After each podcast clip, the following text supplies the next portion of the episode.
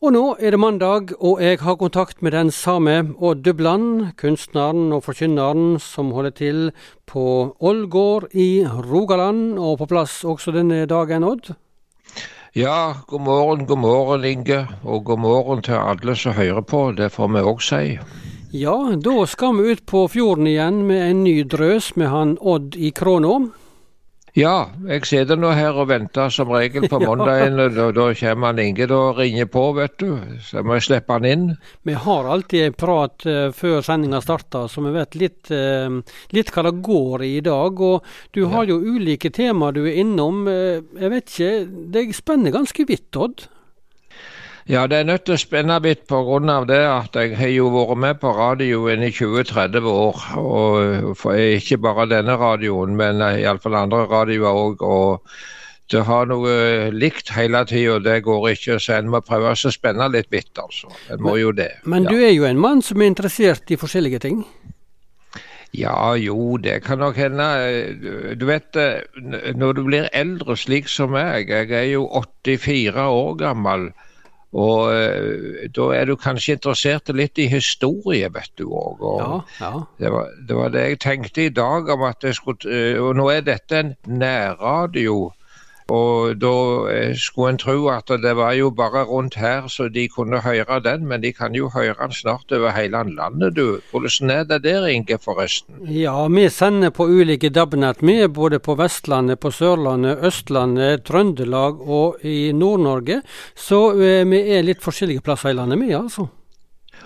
Ja, men i dag vil jeg prøve å ta folket med da bort til Jæren. En, ja. eh, på en eh, liten flekk på 80 ganger 80 meter i en firkant.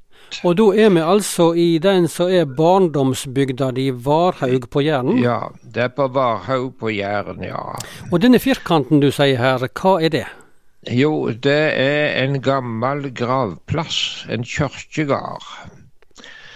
Og eh, nå er jo dette veldig lokalt, da, men eh, det er den mest fotograferte kirkegården i Norge. Og det er blitt kalt for den vakreste kirkegården òg. Og så kan en spørre da, hva er det som er så vakkert der? Nei, faktisk talt ingenting spesielt. Det er 80 ganger 80 meter. Det er ingen flotte gravminner. Der står et lite kapell nå, så dere kan komme inn og sette seg 13-14 personer. Det er alt. Men denne gravplassen den er kanskje 900 år gammel. Og så er han jo plassert like ved havet? Ja, helt ved havet. Og eh, det er ikke noe livd for vær og vind, og det kan blåse godt på Jæren. Og de regner på det at det kan være begravd ca. 8000 mennesker på denne flekken. Du Fortell, hvordan, eh, har en bygd det oppover her? Nei, altså det er det at når det var fullt, da gravplassen var full, så fylte de på jord. Det gjorde de iallfall tre ganger. Og lende på denne gravplassen er ca. én meter høyere eller lende rundt. Og nå er det slik at vi kaller dette for en kirkegård. Og så er det jo folk i dag i Norge som ikke liker det at det blir kalt for kirkegård eller kirkegård. Eh, men saken er den at eh, jeg har hørt eldre folk som kalte det for kjøregarden. Jaha, hva, hva, ligger det i det? Jo, du ser det at uh, jeg tenkte nå først at det hadde en slik en halvslarven måte å si kirkegard på. Men de sa kjøregarden. Det var helt bevisst. Og det kommer av det gamle ordet kyrr. Så K-y-r-r, som betyr fred. Jaha. Det er fredens plass. Vi hadde en konge i Norge som ble kalt for Olaf Kyrre. Og på tysk så heter det Friedhof, altså en fredens gard. Jaså. Ja. Og bein fra meg har møtt folk på Østlandet som hadde hørt det samme ordet. De sa det er Kyrregården, sa de. Ja, Kyrregården, ja. ja da. Men på den som nå heter Varhaug gamle kirkegård eh, på, på Jæren, var der kirka der fra gammelt av? Ja, det var iallfall bygd ei kirke som de vet om, helt konkret rundt 1300-tallet. Men det er mistanke om at det har vært en gravplass iallfall fra 1200-tallet. Og det er en merkelig fredens plass å gå hvis det er fint vær. Så er det så fint å gå der litt og se på disse herrene enkle gravminnene som er der. Under krigen, sist verdenskrig, så herja tyskerne en del eh, rundt der nede og for ikke fint åt. og de, eh, Det var noen jernkors eller, som de skjøt hull i. Så de hullene de er til minne etter krigen, altså. Jaså, jaså. Ja, mm, mm, ja. Mm. Men eh, det var en ting til når det gjaldt det med hvor mange som er begravd på denne gamle kirkegården, så skal en være klar over det at i eldre tid så var det enormt mye bodden som døde. Og det var En dag jeg var der nede, så så jeg at det var ei, gravplate som lå nede i marka, liksom eh, litt overgrodd av måse. Det var slik ei hvit plate. Hun hadde vært hvit, men så var hun overgrodd av måse og skitt. Og så prøvde jeg å og så grave se hva som sto på henne. Og fant fram et navn. Jon Pedersen Hobberstad. Ja, og det, og det er din familie? Det var faktisk talt en av mine oldeforeldre. Ja.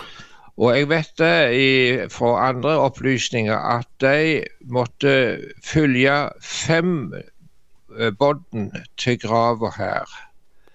Så det var mye sorg i den tid når det gjelder barnedødelighet. Dette er da på siste halvdel av 1800-tallet? Ja, det var det. Og det er et, eh, et ganske fint eh, hjerteforma kors, han har sagt, som står i det eh, sørvestlige hjørnet på gravplassen. Og der står det et salmevers. Jaha, hva så står det? Jeg skal, jeg, ja, jeg skal lese det. Jesus, gjør dog for din pine, hvor jeg i verden går. Jeg varsommelig kan trine, tenke graven åpen står. Gid jeg dør i salig tro, når jeg skal blant døde bo. Og når dommens dag skal være, sank mitt støv til evig ære. Dette gravminnet der ble reist over en ungdom som døde en gang. Ja. Og det er en, eh, ikke noen dyster plass, men det er en plass til ettertanke. Og så tenkte jeg litt på det kristne håp som vi har fått, de som tror på Jesus. Ja, Si litt mer om eh, hva tanker som, som spant videre for deg da. Ja, jeg har bare lyst til å lese noe som Johannes har skrevet i Bibelen. Johannes evangelisten. Der var det òg snakk om en begravelse. Det var en mann som var død, en av Jesu venner, som het Lasarus. Så da Jesus kom der, så fikk han vite at Lasarus hadde leie i grava i fire dager.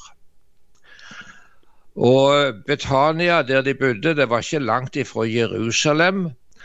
Og mange jøder var kommet til Martha Maria, søstrene til Lasarus, og ville trøste dem i sorga over broren. Men så snart Martha fikk høre at Jesus kom, så gikk hun til møtes med han, men Maria ble sittende hjemme. Og Martha sa til Jesus, Herre, hadde du vært her, så hadde ikke bror min dødd. Men nå òg vet jeg at alt det du ber Gud om, vil han gi deg. Så sier Jesus, bror din skal stå opp att. Så sier Martha, jeg veit han skal stå opp att når alle står opp på den siste dagen, svarer Martha. Da sa Jesus til henne, Jeg er oppståa og livet. Den som tror på meg, skal leve om han så dør. Og hver den som lever og tror på meg, skal i all eve ikke dø. Tror du det? sa Jesus. Ja, Herre, sier hun, jeg tror at du er Messias, Guds sønn, han som skal komme til verden. Og da hun hadde sagt dette, gikk hun og kalla i hemmelighet på Maria, søster si, og sa til henne, Mesteren er her og spør etter deg. Og så får vi ta med det til slutt i sendinga her ifra krona mi i dag, du gode Inge. At det er en mester som er ute og spør etter oss i dag òg. Han som har sont vår synd. Han har eh, lagt en vei for oss, og han er sjøl veien til Gud. Og de som dør i troen på Han, skal ikke dø uten håp, men de skal vente på en oppstandelse fra de døde. Og det er veldig stort å tenke på det. Det var noen enkle ord jeg hadde, du Inge, i dag.